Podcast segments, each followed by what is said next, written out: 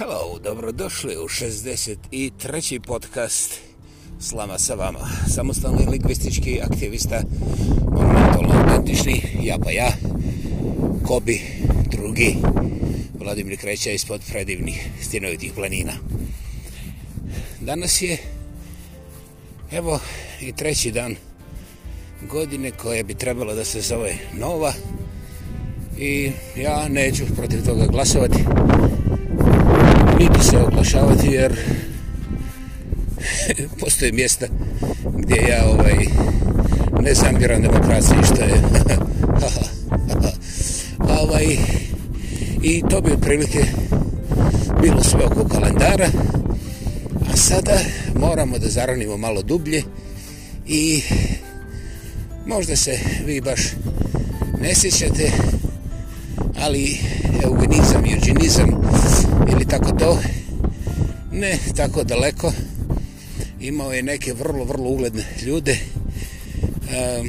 ja ću samo sadržati jednog imena danas i neću razvlačiti Nikola Tesla je naime vjerovao u taj odabir kvalitetnijih gena i stvaranje naprednije civilizacije.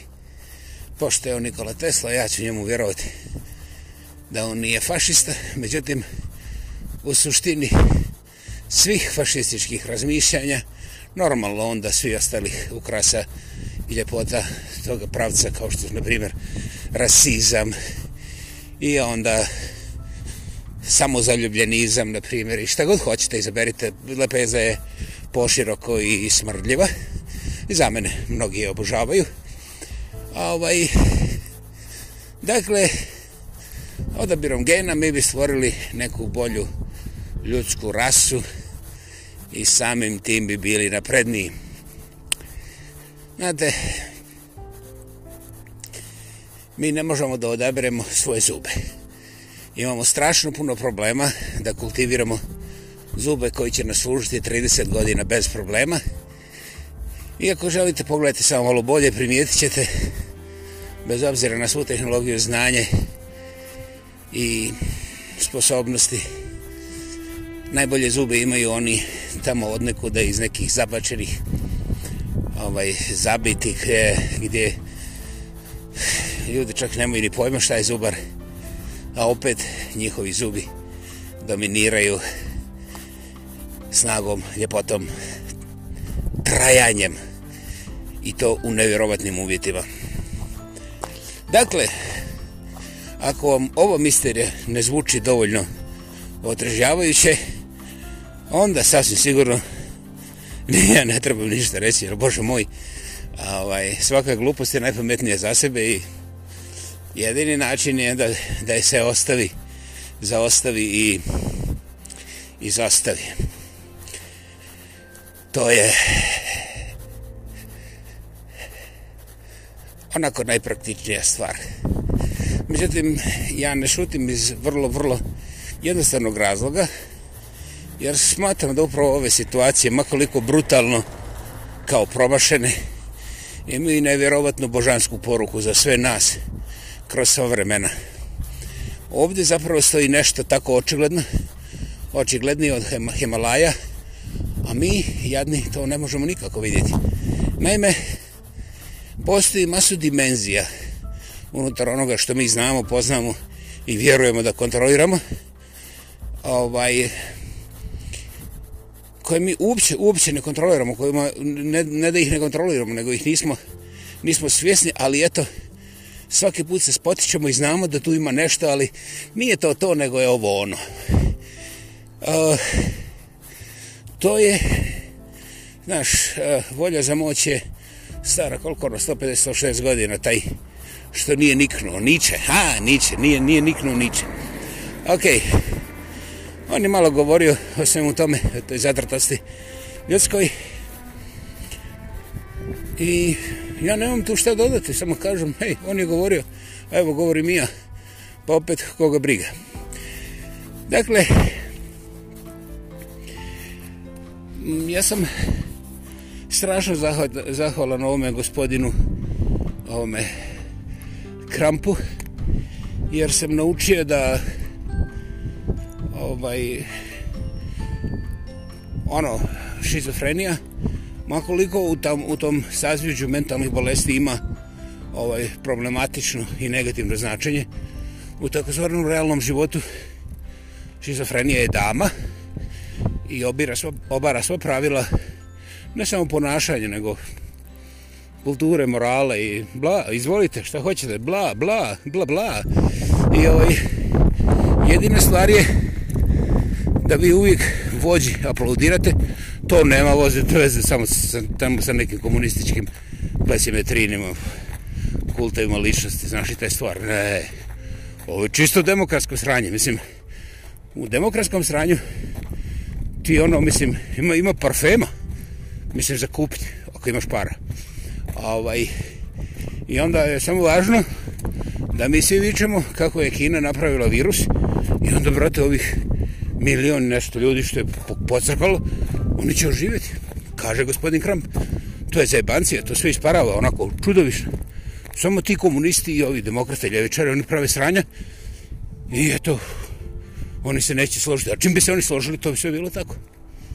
Mislim, planeta nam je u divnom sranju, stanju. Stanju, šta sam rekao? Stanju. Pa da, rekao sam stanju, nisam ništa pomislio drugo. Sram, sram vas bilo. Mislim, kako ste neozbiljni u ovom vrlo teškom, ne samo trenutku, nego viško trenutaka. Teški. Okej. Okay. Mene sada zanima, ovaj, da vam kažem dvije tri riječi o prijateljstvu. Znači, nećemo dirati ove ovaj ova šira pitanja koja su toliko uska da mislim ne možeš ni poštenu glupost kroz njih provući jer ono glupost je već postala nobl stvar u odnosu na ono što se doista dešava i ovaj znate ljudi su od uvijek trebali žrtvene krvi još od Abrahama i njegovih sinova i ljudi nisu prestali vjerovati u krv. Dakle, pričaj ti mlati ko krava repom, ali krv, znaš, kad proradi, onda je novac moj. He, zanimljivo. Mislim, nije. E, odvratno, primitivno i zato crno. Ovi takozvani um, kromanjonci i slično gospoda su odustali davno.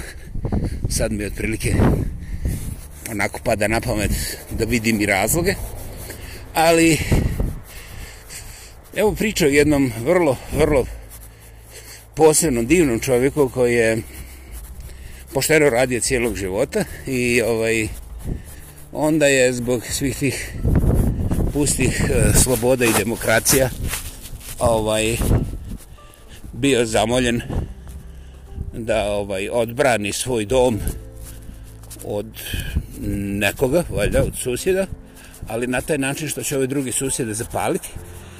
I njemu se to učinilo, ovaj, kako da kažem, pošto ima previše ovoga palenja, a nema ni jednog razloga da to zapali, njemu se to učinilo kao, ne bih rekao neprihvatljivo, ali čovjek ne voli paljevine i ovaj, pređe on preko Save i kupi kartu i dođe u Kanadu. I onda u Kanadi počinu dolaziti ovi junaci koji su ga ganjali doli. I onda, kako on je doli bio lijen, ništa nije radio, znaš. I zahvaljujući će vapnimo, ja sam imao priliku da navraćam u restorančić bosanski gdje i on dolazi godinama. I kada je god vide, oni njega, znaš, lijevo desno, šta je, šta se pretvaraš čoveče. Pokro si državu, živi, ti živi si cijeli život za džaba. Sad ovde premotavaš se lijevo desno. I ovaj... Ne bih ja puno plakao o njemu, ali... Eto, imao sam priliku vidjeti šta je on radio. A radio je vrlo teško, kao znači činovnik iz općine, on se preselio u proizvodnju i to vrlo, vrlo napornom proizvodnju u kojoj nema stajanja desetak, ponekad 12-14 sati i on je za svoju familiju radio doslovce imao je prosjek nekoliko mjeseci preko 14 sati dnevno i normalno kosti, bubreg, srce i liječnici se više nisu usudili da mu daju samo te medicinske zakrpe, već su ga povukli sa posla i poslali kući jer oštećenja na njegovom kosturu su prešla podnošljivu mjeru posebno što je čovjek bio stari od 50 godina. I on tako kad bi kad ga bolovi ne tresu, kad je mogao smoći snage, dođe u tu bosansku kafanicu, naruči sebi pola ćevapa i ode kući. Ja ga inače nisam poznao nikad prije, ali okolo su svi govorili kako je on lijen, kako on glumi, kako se njemu ne radi. Ja nisam postavio uopće pitanja jer naučio sam se našim svijetom ako postaviš pitanja onda smi. Mi odmah neki kontrašpijun. A druga stvar, kako je moguće da ne vjeruješ nama, mi smo toliko lijepi, mladi, pametni i nepogrešivi, a skromni, evo, zar se ne vidi. I ovaj, uglavnom, prošlo je više od deset godina. Eto, ja sam ponekad čak i razmišljao da ne odem na teće vape, ali doista nigdje na krajnjem zapadu Kanade, nije bilo bolje, pa sam ipak mjesečno, barem jedan put, dva put, odlazio na ćevape i svaki put sam slušao kako je taj čovjek lijen, kako neće da radi i kako stalno glumi, da, da, to je riječ koju iskoristim, glumi da je bolestan, glumi, ovo glumi, ono. Uh, naši ljudi su postali veliki, veliki oduševljeni vjernici, nakon 90. posebno 95. kad su kad su najzad vratili Boga i Bogomolje ovaj i počeli da arlauču umjesto Tita partija da viču faljen Isus i Marija i te sve stvari A ovaj međutim vjernika i vjerničkoga ja odgovorno tvrdim ako je bilo onda je nekako bilo negdje na ivicama komunizma ne zbog komunizma, nego zbog toga što vjernici od vjere ne odustaju nikada i znaju da je Božije ponašati se dobro i pravedno, pa ako neko ne vidi, ako neko ne čuje, ne mora. Uglavnom, ono što se dešavalo ovome čovcu o kojoj pričam je upravo apsolutno diametralno suprotno. I ja sam učio tih ljudi ne odmah, ali mi je sinulo i pogledao sam kasnije kako god se on ponašao, kako god se on postavi. Ako je, a to se dešavalo vrlo rijetko, došao da nije bio potpuno glatko izbrijan, odmah bi znali da nije obrijan, jer je tako to rade svi lijeni. Iako je on uvijek bio kao oficir u stvari, obrijan. Ali eto, valjda u tih desetak godina se desilo jedan put, dva put. Ja sam vidio ne više od dva puta. I odmah se znao da se nije obrijao. Nisam slušao nikada da su provjerili da li pere noge, nego Bog zube, jer izgleda to pranje zube, to je samo u komunizmu, to, to nije za poštene demokrate. Uglavnom, taj čovjek bio ljenji od same ljenosti i nema ko nije došao da nije otkrio kako je taj čovac lijen. Ja sam bio zapanjen, ja nisam došao na red da kažem da li je, inače ja bi se uključio, ja bi talambas ako se ostali, jer je baš lepa talambas. On ne može ništa kad cijela rulja, ono, uuu, ljenci, ljenci, mislim, ono, šta hoćeš? Uglavnom, onda dolaze razno razne promjene, a ovaj, razni, ljudi su nastradali od raznih bolesti, to je bilo prije korone, i ovaj čovac, onda, dobio pogoršanje. Ovaj, prvo jedan pacemaker, drugi pacemaker. E, onda jedan hertz kolaps, drugi hertz kolaps, treći hertz kolaps, četvrti hertz kolaps, pacemaker, peti. I onda normalno od, odkazuju bubrezi, između ostalih stvari da ne idemo u detalje. I ovaj, ta ćevabđenica ne postoji, ali opet ljudi pričaju jel se on i dalje pretvara tako kad negdje prođeš i čuješ. Ovaj, I ja ne znam zbog čega, ono. A, ne mogu ni naslutiti jer apsolutno znam sada već više od 25 godina da je taj čovjek jedan od najkorektnijih i najpoštenijih karaktera sa tog Balkana koga sam sreo ovdje i da on nikad nikome nije zaprijetio, a može Boga mi, on je vrlo sposoban, on je vrlo e, moćan. Nikome nije zaprijetio porade tih deformacija i brutalnih verbalnih življavanja. On je priključen na dijalizu već 3-4 mjeseca, ja sam imao priliku da ga vidim i zadovoljstvo i priliku. I ovaj, ako ja njemu slučajno odnesem krušku, on meni kupi cijelu stablu kruške kao za gorivo. I onda, da skratim, nema svađanja, ali eto, takav je on karakter. On je sve svoje račune platio, ali i dalje ljudi mu ne vjeruju. On meni priča kako na dijalizi ima previše mladosti, kaže, bogati ima ljudi od 26 godina, kaže, pred njima je život, a moraju svaki drugi, treći dan najkasniji biti priključeni, kao valjda će im neko dati bubrige, da se ne moraju patiti. A, ne znam, zanijemim, razmišljam koliko čovjek može biti plemenit, širokogrod, koliko može biti ljudina. Inače, on ne ide okolo da se kune kako vjeruje okolo i kako radi ovo ili ono u ime Boga. On je, eto, čovjek i do jedan divan čovjek bez etiketa i naljepnica. Da, priča nije izmišljena i vrlo je okljaštrena. Ja sam uzao samo k od kostura, jer ako u nama ima č od čovjeka, onda bi mi morali ozbiljno da se zamislimo zašto jednom vrlo starom čovjeku koji je sam po sebi relevantan za sve društvene kretanje jer je na kraju života koji je doista epski preživio.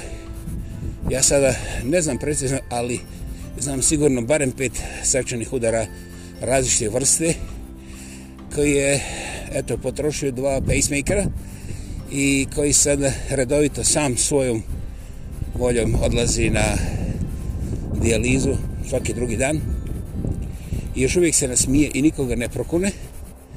Dakle, gdje je nama čojstvo, gdje je nama ljudstvo? Kakvi smo mi ljudi ako i dalje pričamo kako on nekoga zajebava, kako on prodao Kanadi trikova svome zdravlju. Mislim, naši ljudi nisu ni prljavi.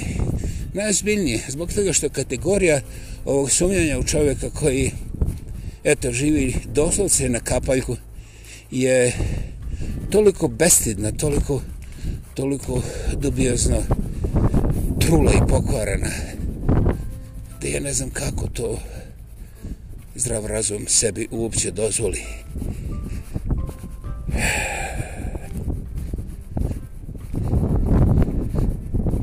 Ja nastojim učiti. I eto, ti ljudi koji optužuju ovog divnog čovjeka da radi ovo ili ono, oni umeđu vremenu rade razne stvari, ja čak i ne pričam o tome. Ali da su oni ikad u išta vjerovali, onda bi oni bili u strahu za svoju familiju, za svoju djecu.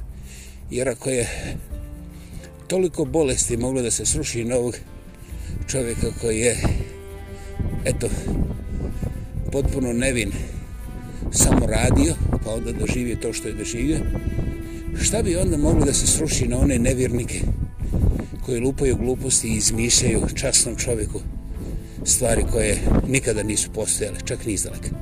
Zbog čega ljudima potrebno da nekoga pregaze i da spuste cijelu stvar u, u kanalizaciju primitivizma i da onda tu tuckaju praznu priču već 20 godina.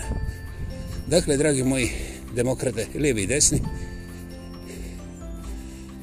niste relevantni. Osim kada se međusobno ne pjeckate, jer niko drugi, niko normalan, ne želi ništa ni da vam kažem. Slama se vam, 63. put. Vladimir kreće ispod predivnih stinovitih plemina. Na početku 2021. ja se ne ispričavam, ali osjećam se lakše što sam smogao snage da bez teških riječi ispričam jednu veliku, istinitu, ljudsku epopeju koja još uvijek, hvala Bogu, traje jer glavni akter je živ i ja mu želim oporavak i svakog dana sve polje zdravlje odavde sve do kraja svemira. Hvala vam, čuvam se uskoro.